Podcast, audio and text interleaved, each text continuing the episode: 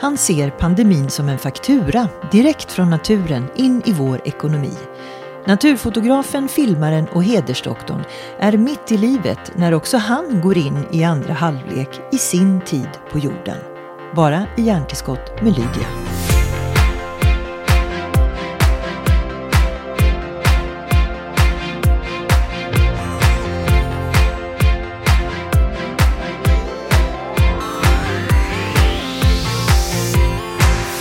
När vi pratar frukostvanor Mattias så är det ju väldigt speciellt att höra dig och prata om det. För jag vet ju att du har ju levt ett liv där du var tvungen att äta vad som helst eftersom du var ju var som helst.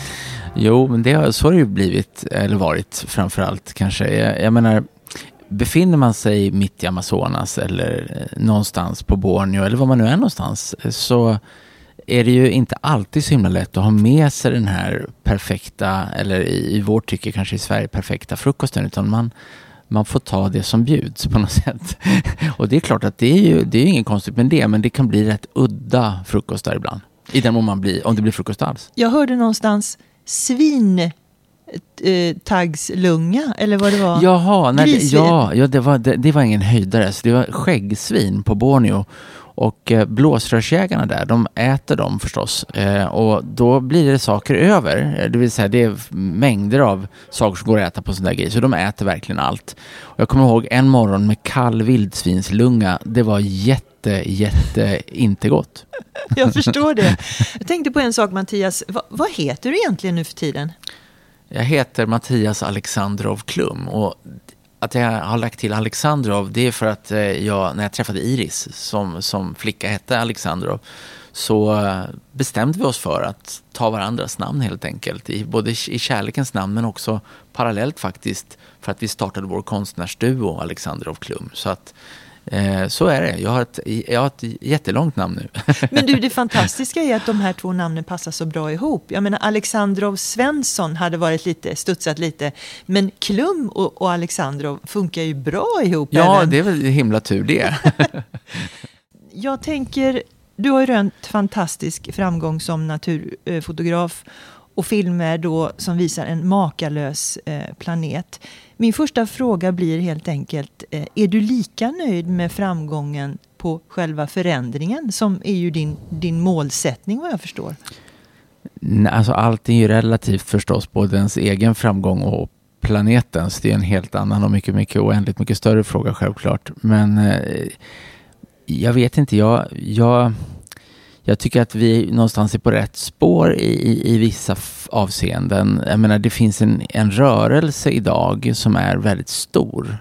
Och inte minst tack vare eh, svenska Greta Thunberg som har, som har gjort det, eller förlöst den rörelsen kan man säga, även om många, många andra har försökt tidigare och sagt samma saker i stort sett. Så, så kom hon i en tid och med den personen eh, som är hon eh, och, och eh, lyfte på locket på något sätt. Eh, så det är fantastiskt. Men, men sen är det också så att som vi alla vet så är det ett, fortfarande ett ganska stort glapp mellan det vi känner till och hur vi sen lever och agerar. Och det är det som skapar en del av, av problemen. Det är rätt få faktiskt idag, trots allt, som inte är hyfsat välinformerade om uh, hur, hur, allvarligt läget är. Och varför är det så? För det finns ju många, liksom du, eller många, många mer framträdande än an, andra som pratar om det här. Vi hade ju Al Gore som gjorde en världsturné mm. på de här frågorna. Va, vad är det, jag menar hur mycket okunnig kan man vara i dessa moderna tider? Jag tror att det är droppen som urholkar stenen. Jag menar vi, vi är många som, eh, inte minst det här samtalet, eh, öppnar ju vissa fönster och dörrar i människors hjärtan naturligtvis. Så att, och, och, och hjärnorna också kanske. Men, men det är ju det är ju så det fungerar. Så att, att Al Gore gjorde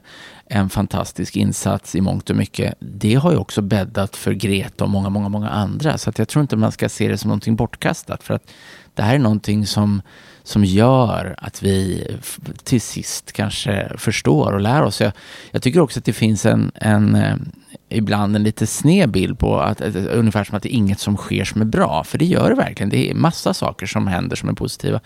Kruxet är bara det att 7,6 miljarder människor sätter ett ofantligt tryck på planeten.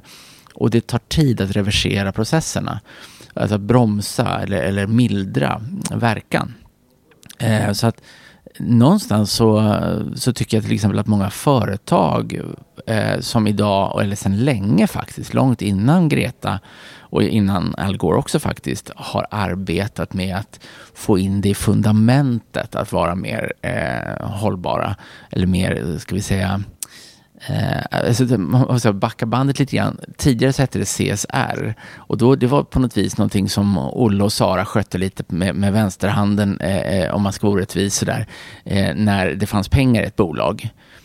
Ett, ett bra bolag av idag är ett bolag som har det i grundfundamentet. Det är, liksom en, det är golvet man går på och utifrån det fundamentet bygger man sedan en företagsstruktur. Mm. Eh, nu är det naturligtvis inte allas, alls alla företag som är så här duktiga, men, men ganska många trots allt.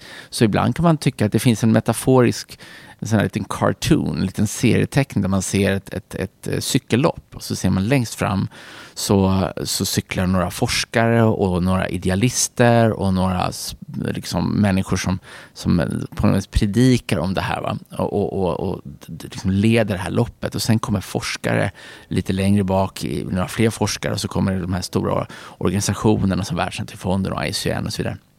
Och längst, längst, längst, längst bak så kommer det några ganska trötta och lite, lite lätt eh, mulliga politiker som haffar, haffar och paffar längst, längst, längst bak. Och det, så att jag tror att eh, man släpar, idag har det varit nästan så att man släpar med sig politiken längst bak istället för att politiker och politiken leder frågan. Mm. Vad jag dock också vill hinna med det är faktiskt att eh, eh, prata lite kring eh, många aktivister men också många som du som flaggar för faror och utrotningar som kan ske ett visst år eller datum om vi fortsätter som vi gör. Och jag vet Borneo var ju lite grann sådär, de malaysiska regnskogarna, att det, det dök upp eh, mm, eh, eh, förutsägelser att vi har ingen regnskog, det där kommer försvinna och orangutangen kommer att dö ut. Och så sa man att 2010, 2012 skulle vara då det allting var kört. Mm. Nu är vi 2020 Mm. Eh, hur är läget nu? Mm. Hade ni rätt alla ni som sa så? Och om ni inte hade det, varför har det ändå gått okej? Okay? Mm, ja, ja, jag tror att det är det som är lite farligt, eller väldigt farligt faktiskt, för trovärdigheten. Eh, när man går ut och säger att det finns ett eh, berg av plast i, i havet som är lika stort som Hawaii och det ligger på den och den koordinaten och så åker människor dit, forskare och andra nyfikna och märker att det är inte riktigt är så. Det går inte till på det sättet. Det är nog, alltså sanningen är tillräckligt graverande för att man, man behöver liksom inte fara med osanningar. Så att det här handlar ju också om ah, uh, någon typ av predictions, alltså någon typ av för, man, man, hittar, man hittar sätt att försöka förhålla sig till det så att det finns en tidslinje att hänga upp saker och ting på. Eh, tack gode gud, så är, eller vem man nu ska tacka, så är inte alla orangutanger utdöda idag. Men det betyder inte att läget är speciellt bra på Borneo eller Sumatra. Det är, avverkningen har fortsatt. Eh, bränderna har fortsatt. Och det betyder att eh, orangutangen är inte i bättre det är inte bättre status nu. Men det som har hänt, kanske tack vare de här ganska högljudda protesterna och, och alarmistiska kan man nästan säga, eh, utlåtandena då, det är ju att vi skärpte oss lite grann och det sattes, det sattes igång projekt som skulle då någon sorts bjuda, mot, bjuda motvärn mot den här eh, fullständigt osannolikt eh, kraftfulla avverkningen. Mm. Så att hade det inte varit sådana ganska alarmistiska röster så kanske det inte hade, eh, då kanske det inte hade satt samman grupper och, och projekt. Så att jag, jag tror att man får, det, det, finns en viss naivism i det där. Att vi, vi, vi skriker jättehögt och är jätterädda. Men, men eh, kanske bättre det än att alla sitter tysta och bara låter det ske. Och sen finns det en fara i att man börjar lära sig det där nu. Att eh, alla eh, skrik på, på eh, faror kanske ibland är lite väl höga. Mm. Eh, och så blir man kanske resistent mot den typen av diskussioner. Jag tänker på alla de klimatförnekare som faktiskt finns runt om i världen. Mm. Eh, att man eh, håller sig kring just sådana här saker som att ja, men det gick ju inte åt peppan som de sa. Mm. Och så blir det en sanning istället. Mm. Ja, jag, jag, tror att um jag tror är man lite påläst och, och, och faktiskt eh, kanske är på plats också och ser förändringarna eh, så att säga, från första parkett, då eh, blir det tillräckligt skrämmande ändå. Alltså jag tror att det är lätt kanske att sitta i, i, i London eller Paris eller Stockholm eller var man nu är någonstans eh, i sin lägenhet eller i sin villa och tycka att, ah, men vadå, solen gick upp idag också och jag får mat på, på tallriken och, och liksom, det, det, det, livet går vidare. Men befinner man sig i krisdrabbade områden där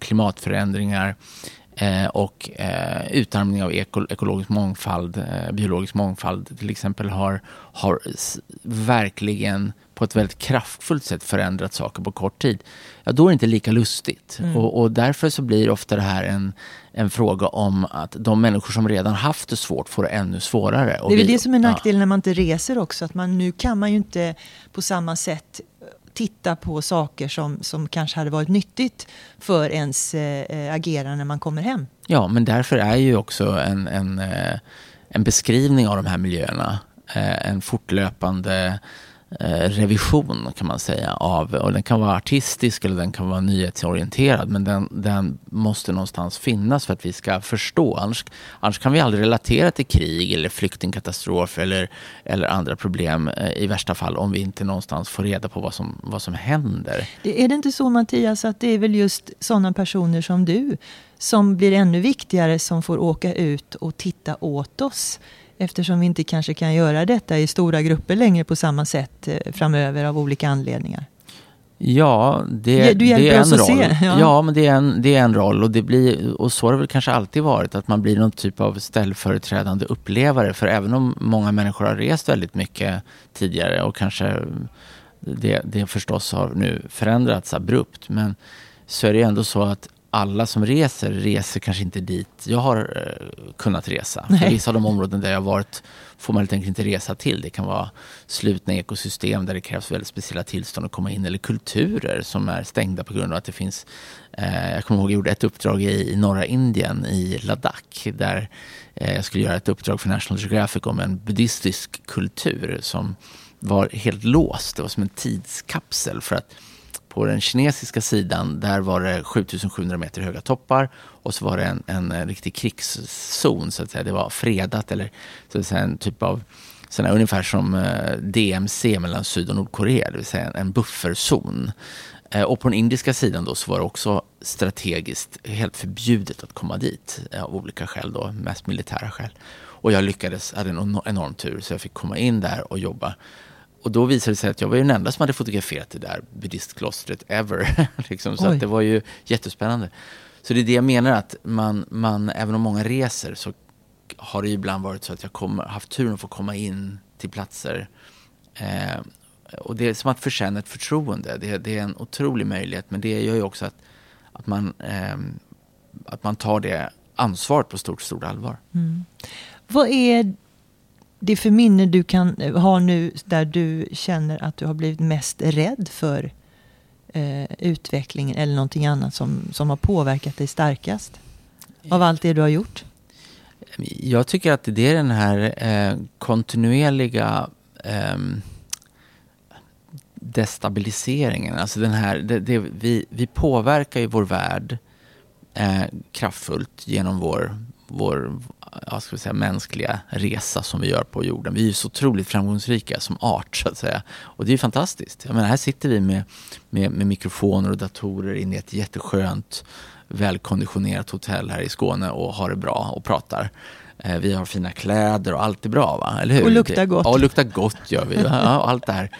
Men, men eh, det är ju ändå så att om man ser på, på det stora hela så har vi verkligen skapat eh, en, en oändlig oreda rent biologiskt, ekologiskt på den här planeten. Och det, jag, jag, tror att det som, när, man nu befinner, när vi nu befinner oss mitt i covid eh, träsket med alla de otroliga utmaningar som det innebär och förändringar så kan man ju konstatera att det är direkt relaterat till den här rovdriften. Det är direkt relaterat till att vi inte har hållit oss inom planetens hållbara gränser. Det är som en, som Johan Rockström brukar säga, det är som en faktura från naturen direkt in i ekonomin. Mm. Och det här är, eh, det är skrämmande. Om, du, du undrar om jag blir rädd för något? Ja, jag blir rädd för att vi eh, inte respekterar planetens hållbara gränser och därigenom oss själva. Mm. Du, när jag ser eh, bilder på vår planet, du vet när det är taget typ mm. från någon satellit, då får jag den omedelbara känslan av att det är Moder Jord såklart, eh, men att man blir väldigt rörd. Mm. Man ser ju, herregud, vi svävar där mitt i detta kalla svarta. Det är bara mm. vi, var ska vi ta vägen om inte det här håller? Mm. Men samtidigt kan jag känna så här att jag kan bli väldigt frustrerad som vanlig svensk medborgare.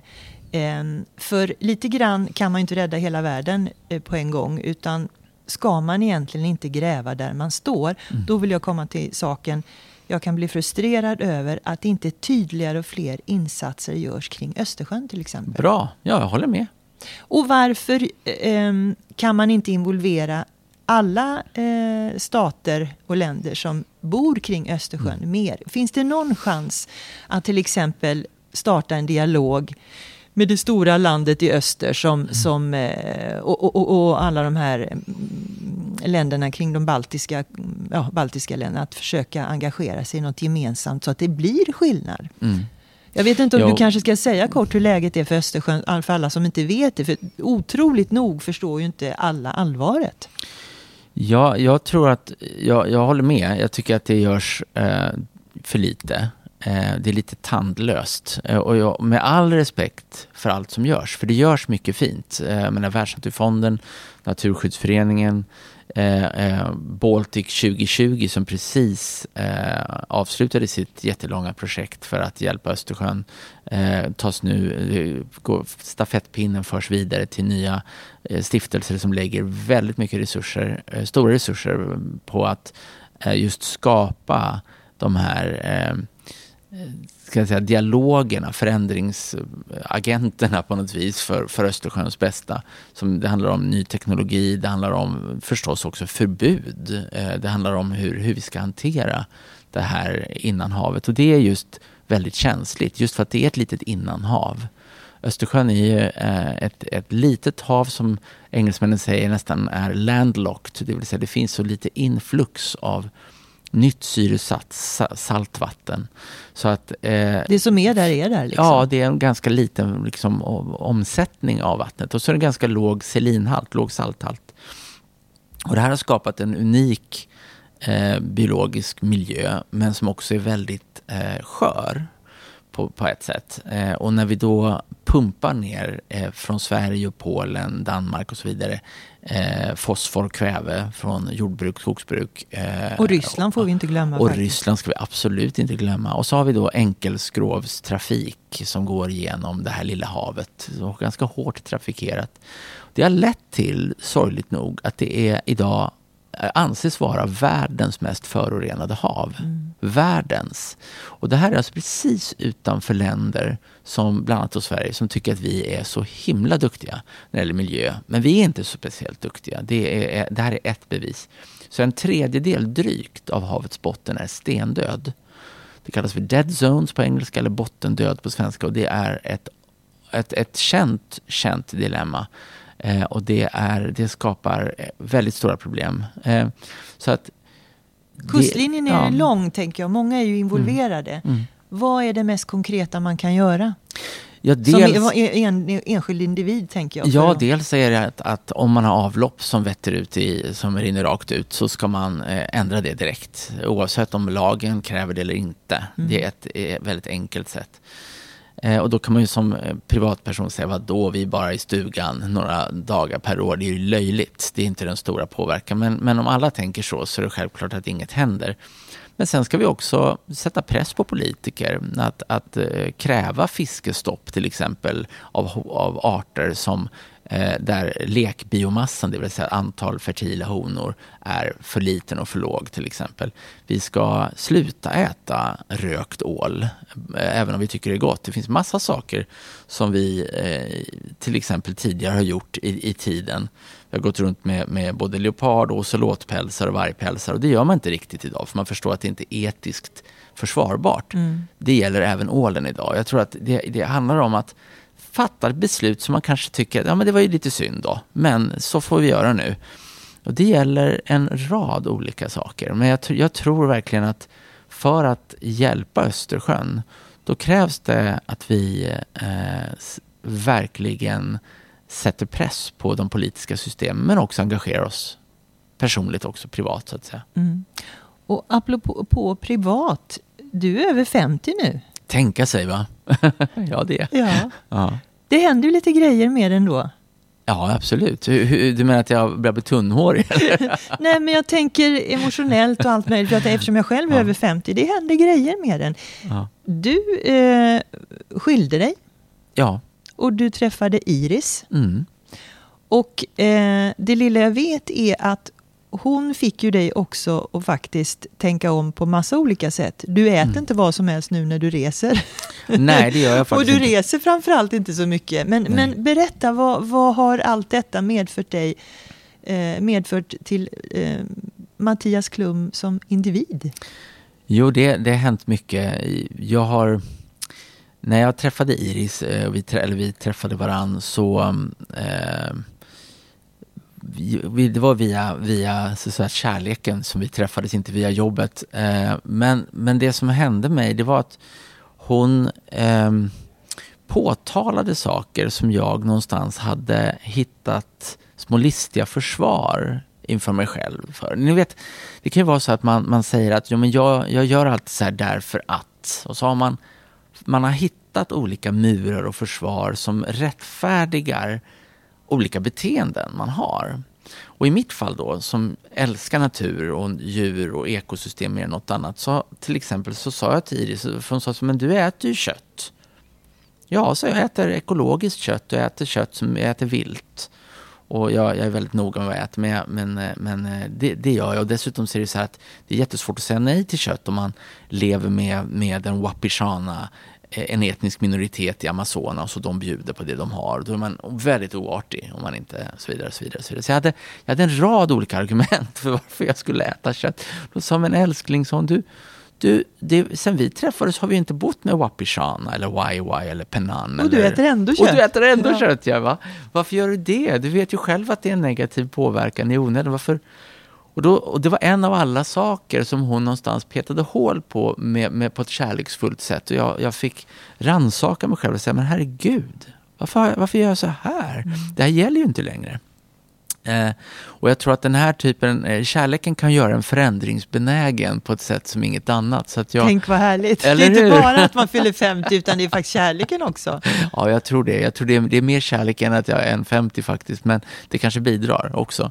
Men, nej, men så det, det, det var en rad olika saker och då kan man när man väl börjar den resan som blir någon sorts livsrevision, någon typ av Uh, ja, man ställer om på något sätt. Då kan man if ifrågasätta allt. Till exempel, uh, reser vi uh, för mycket? För det kan man också rättfärdiga då. kan man säga så, jo men jag, mitt jobb har varit att resa över hela världen för att berätta om eh, ja, etniska minoriteter som far illa, om, om miljöproblem, om hotade arter och så vidare.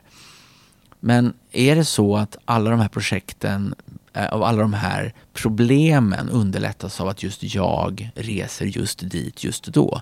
Eller kan man tänka på ett annat sätt? Kan man jobba på ett annat sätt? Kan man vara mer kirurgisk? Kan man jobba på, på hur, ska vi, hur ska vi tänka i en tid när vi ska ställa om?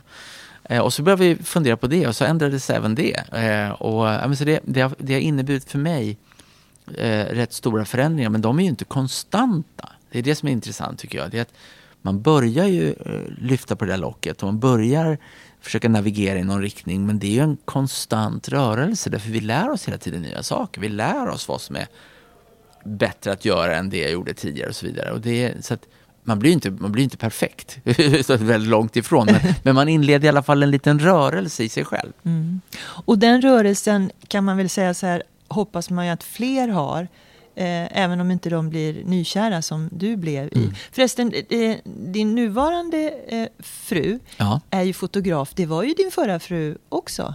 Ja, det kan man säga. Konkurrerar man aldrig med, med sin partner? Jag tänker, det är väl mer praktiskt att, mm. att leva med någon som gör något annat? Ta ljudet kanske? Men det blir... Ja, nej, men det, vi, vi, så här. Iris och jag eh, kompletterar varandra på det sättet att hon är egentligen konceptuell konstnär. Hon är så att säga, utbildad konstnär eh, och har har massa kunskaper som jag saknar.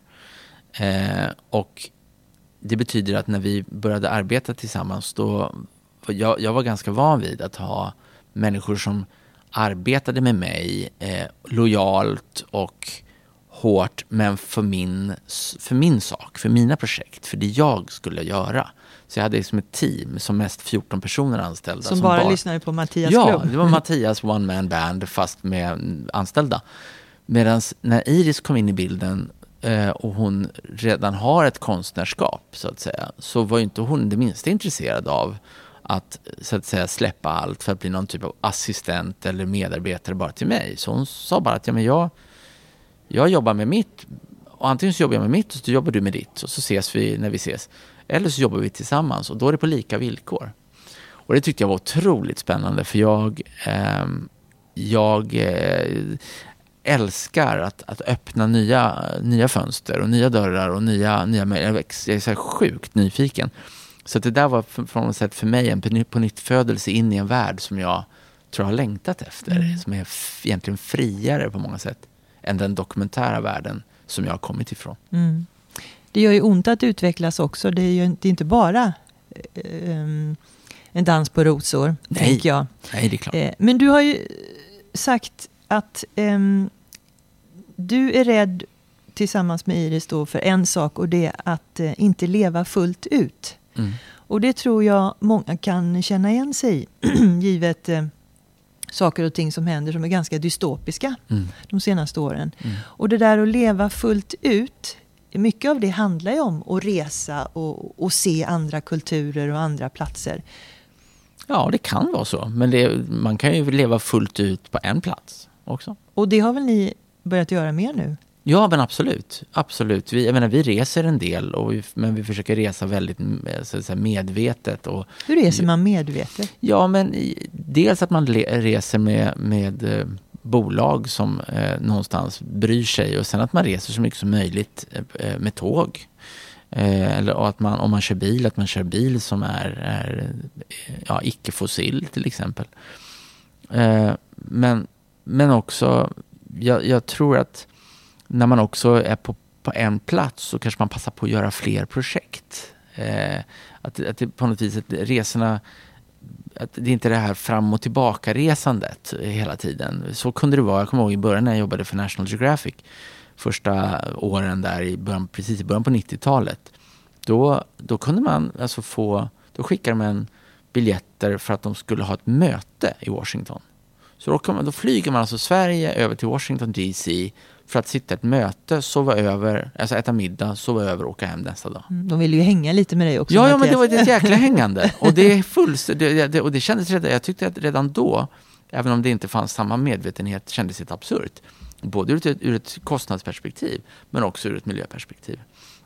Så jag kommer ihåg, jag var faktiskt en av de första och kanske eventuellt den allra första att, att driva på att det skulle bli Skype-möten på National Geographic. Och då var de så här, what? What's that? Och sen så kommer jag ihåg när jag satt, det var så protokollärt på den tiden. Det var så här, alla, alla redaktörer hade kostym eller klänning och det var prydligt och så där. Och så satt alla i ett rum och så här, we've got Mattias Klum on the line here, some kind of I don't know, some kind of interactive stuff. We're, it's called Skype and Oh my god, he's there! Can you see us? Can you see us? då stod det ett helt rum va. Och det var som att det var så här, så här, science fiction. Det var så jäkla kul alltså. Och nu är det comilfå naturligtvis. Ja. Under corona så är det ju det är ju liksom, fast nu andra saker än just Skype kanske. Men, och det är roligt då, en, en svensk som grundade Skype. Ja, ja, ja. ja. så det blir ännu ja, roligare. Ja, ja, ja, ja, visst.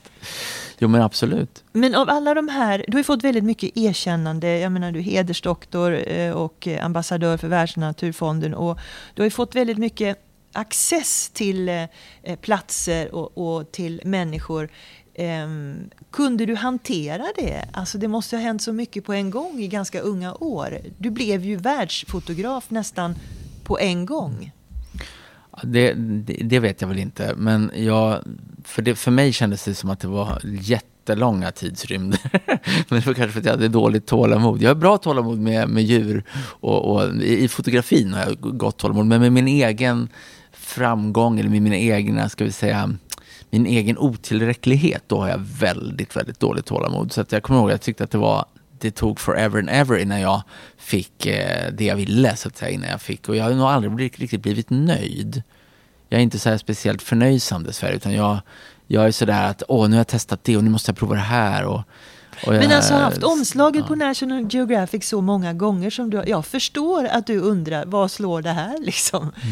Eh, ja, nej, jag, om man nu får ja, vara lite yrkesmässig mm, mm, sådär, att det är ändå en mm. stolthet att vara fotograf. Om man nu mm. tänker på allt bra som kommer ut av det, som du också mm. eh, medför. Men, men just det här med att få som cred för det man faktiskt gör. Jo, det är en konsekvens av massa hårt arbete och mycket passion. Men också ska man ju verkligen ha klart för sig att det är också ett teamwork. Alltså, jag har haft världens bästa assistenter och medarbetare. Jag har haft eh, lärt känna superduktiga forskare över hela världen. Jag har, och människor som är inte skolade, men som kan minst lika mycket i alla fall, eh, som etniska minoritetsledare. Eller jag kommer ihåg till exempel Tebarana Gut, en blåsrörsjägare på Borneo som vare sig kunde läsa eller skriva, men det var en jävel på att kunna regnskog. Så att man kan, man kan ju naturligtvis eh, tillgodogöra sig det där med, om man öppnar sitt hjärta och, och släpper in människor och det, är, så att det är ju inte min framgång. I den mån jag har fått någon medalj eller eh, ett, ett, ett hedersdoktorat eller något annat så är jag jättetacksam. Men det är på något vis en delad vinst. Mm. Jag kommer ihåg en gång i eh, Borneo eller på Borneo så hade jag en local fixer, en, en, en sån här person som ska hjälpa en med allt möjligt som heter Danny. Och Danny han var en malaysisk kines, han var väldigt klok och han var ja, fantastisk eh, person på många, många sätt. Så det är superexcentrisk med oversized, jättestora glasögon. Så rökte han som en borstbindare och så hade han knästrumpor och gick runt och var, han var en helt underbar man. Och han, han eh, sa till mig en gång när jag klagade på att det gick så dåligt. Jag skulle vara där i 14 månader. Jag hade ett och ett halvt ton packning, en varmluftsballong och fem personer i teamet. Och jag hade fått ett National Geographic-uppdrag att ta mig rakt in i en av de djupaste regnskogarna där. Och jag tyckte allt gick åt pipan. Alltså det var krånglade och det möglade och det jävlades och det var, det var fruktansvärt tungt allting. Och motigt. Jag var liksom gråtfärdig. Så sa jag det, jag biktade mig för den här stackars Danny och sa att ah, det går inget bra för mig. Det går inget bra. Och då sa han Mattias, have you asked the trees for permission? sa han. Och jag tittade på honom och sa, nej det insåg jag. Var, först tänkte jag, vad är det han menar? Så förstod jag vad han menade. Så sa han igen, du måste fråga skogen. Tänkte jag, jäklar. Så jag gick ut och så ställde mig vid ett av de här jättestora dipterokarpträden. Jättelika regnskogsträd. Och så, det går inte att omfamna för de är alldeles för stora. Det är som att krama en vägg. Men jag ställde mig mot den här väggen och så sa jag, snälla hjälp mig. Och så lossnade det faktiskt. Det lossnade, jag började få bilder. Det här låter ju så lite så här skrockigt, men det började lossna. Och så fick jag min absolut första National Geographic cover story med en silverbladapa på omslaget. Och jag var 29 år gammal och det var bara wow. Så jag tror att Danny hade rätt. Du Mattias, jag måste erkänna att jag också är en trädkramare. ja, härligt. Eh, och det, du vet ju, det var ju rätt många stormar som drog igenom eh, både skärgården och kusterna. Mm. Och eh, där vi brukar hänga så var det väldigt många stora vackra träd som rök, eh, mm. alltså som bröts. Och vi var på riktigt så ledsna så att tårarna flödade. För mm. då var det dags att, att um, hugga även de som var bredvid som var brutna. Mm. Och då gjorde jag något liknande men av en annan anledning. Jag bad om förlåtelse och sa mm. Åh, nu måste vi faktiskt göra det här och jag är så ledsen men förlåt liksom. Mm. Mm. Och när vi stod och högg veden, jag vet när jag staplade veden där, då kom tårarna. Men mm. det var med respekt. Mm. Eh, och eh, jag tror folk skulle må lite bättre av att krama ja, träd ja, i alla möjliga sammanhang. Nej, men kan man relatera till, det är det som är så häftigt tror jag med, med med eh, kärleken till naturen och, och, hur den är läkande. Det finns ju mycket forskning som helst på det idag. Hur det är läkande för alla oss människor, inte minst eh, när man har kanske en viss form av autism och så vidare. Att närheten till både djur och natur är läkande. Så att eh, ja, det, det, det är nog bara sunt att krama träd då och då. Mm. Det talas ju väldigt mycket om fake news mm. i vissa sammanhang. Eh, autenticitet börjar mm. bli någonting väldigt eh, viktigt. Mm. Eh, det här med bilder och autenticitet. Vissa av naturfotografierna som man ser, inte bara dina, de ser helt makalösa ut. Eh, och otrolig färgrikedom. Är det viktigt att det är som det var på plats? Eller vad tycker du rent eh, etiskt och estetiskt? Mm. Hur mycket får man mixtra med bilder? Eh, jag tycker att man får göra precis som man vill. Bra, eh, det var tydligt. Men, men allt hänger på syftet med bilden och i vilken värld man befinner sig. Det finns olika världar. Så att till exempel om, om man nu ska använda en metafor som kanske ännu fler känner så säger vi att det finns idrott. Då är det så att idrottsmän och kvinnor de blir ju inte populärt bemötta om de dopar sig. Så till exempel om du är världens bästa cyklist eller simmare eller du springer 100 meter. Då vill du väldans gärna att de här tävlar på lika villkor. Det vill säga att det inte finns någon kemi bakom som har eh, fixat till saker och ting. Och på samma sätt så är du i en dokumentär värld som fotograf, vilket jag brukade vara, var tidigare i alla år för National Geographic. Då var det A och O att du inte har eh, till exempel i Photoshop flyttat saker eller eh, ändrat saker i naturen eller fångat djur och släppt ut framför kameran. Eller, det finns massor av sjuka grejer som alla möjliga människor har hållit på med i alla tider. Det får man absolut inte göra. Det är eh, en både skriven och oskriven kod. Då åker du ut med huvudet före. Då, då, då är din karriär slut på National Geographic. Var samtalet från National Geographic det största du har varit med om som yrkesfotograf när det kom? Eh, hur var ja, det? Alltså, hur gick det till? ja, det var, det var en jättemärklig historia egentligen. Ja, det, var, det var väldigt viktigt för mig då och det, var, det har varit viktigt för hela min karriär att få arbeta för National Geographic. För det har just varit en skola, det har varit en, ett sätt för mig att också få en internationell publik. För jag vill ju säga någonting, jag har någonting på hjärtat. Och då vill man gärna att några ska få höra det. Och National Geographic var och är fortfarande en, en fantastisk organisation. Och på den tiden jag höll på eh, när jag började med dem då i början på 90-talet och fram till, alltså under de 20 år jag var som mest aktiv, då, då hade de en enorm publik verkligen. Det var en av världens största tidskrifter. Verkligen. Så att på det sättet var det viktigt. Men jag kommer ihåg att jag var ung, jag var eh, på väg till Amazonas eh, och jag hade fått, jag hade lärt känna en, en fotograf på National Geographic eh, som var otroligt inkluderande och vänlig och varm och sådär. Så som amerikaner många gånger kan vara och som vi ibland betecknar som ytligt. Men, men jag skulle vilja säga att det är något helt annat. Eh, och han sa bara att om du kommer till Washington någon gång så just give me a call så ska vi gå ut och ta en öl. Jag ryser när du det. Ja, och jag var jätteglad för det där. Jag kommer ihåg, jag hade det här visitkortet med den här lilla gula fyrkanten på i, liksom i, högst upp i min byrålåda ungefär och tyckte att det där var världens grej. Så fick jag träffa honom. Så sa jag att, han frågade hur går det då med, med, med ditt arbete? För han visste att jag höll på som fotograf i Sverige. Ja, jag sa, jo men det går ganska bra för jag hade fått jag hade blivit publicerad i DN och Expressen och Månadsjournalen fanns en tidning som hette. Och och jag hade blivit med i en bildbyrå i Japan och en i Sverige. Ja, men jag tyckte att det började hända det grejer. Flyter, liksom. Ja, men det började hända grejer. Han, men det var ju så oändligt långt ifrån National Geographic. Så att jag, och jag hade inga, inget, med den träffen ska jag säga, att jag hade liksom ingen, inte något mål att få börja jobba för dem. För att det kändes så avlägset. Men jag ville få tips. Jag ville visa en portfolio för honom och få höra om jag var på rätt spår, vad jag kan förbättra och vad jag kan göra annorlunda. Men han tyckte att han ville inte se de här bilderna. För att han tyckte att han ville bara vara kompis. Han ville inte sitta där och jobba liksom och titta på bilder.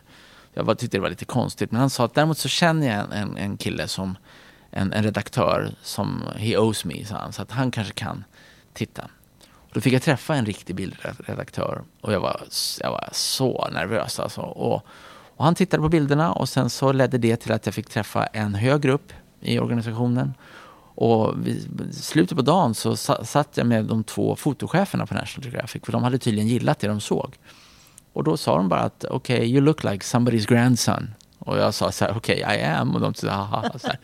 Uh, uh, would you like to work for the National Geographic Magazine? sa de. Och jag trodde jag skulle dö. Ja. Och då sa jag, ja det vill, vill jag naturligtvis.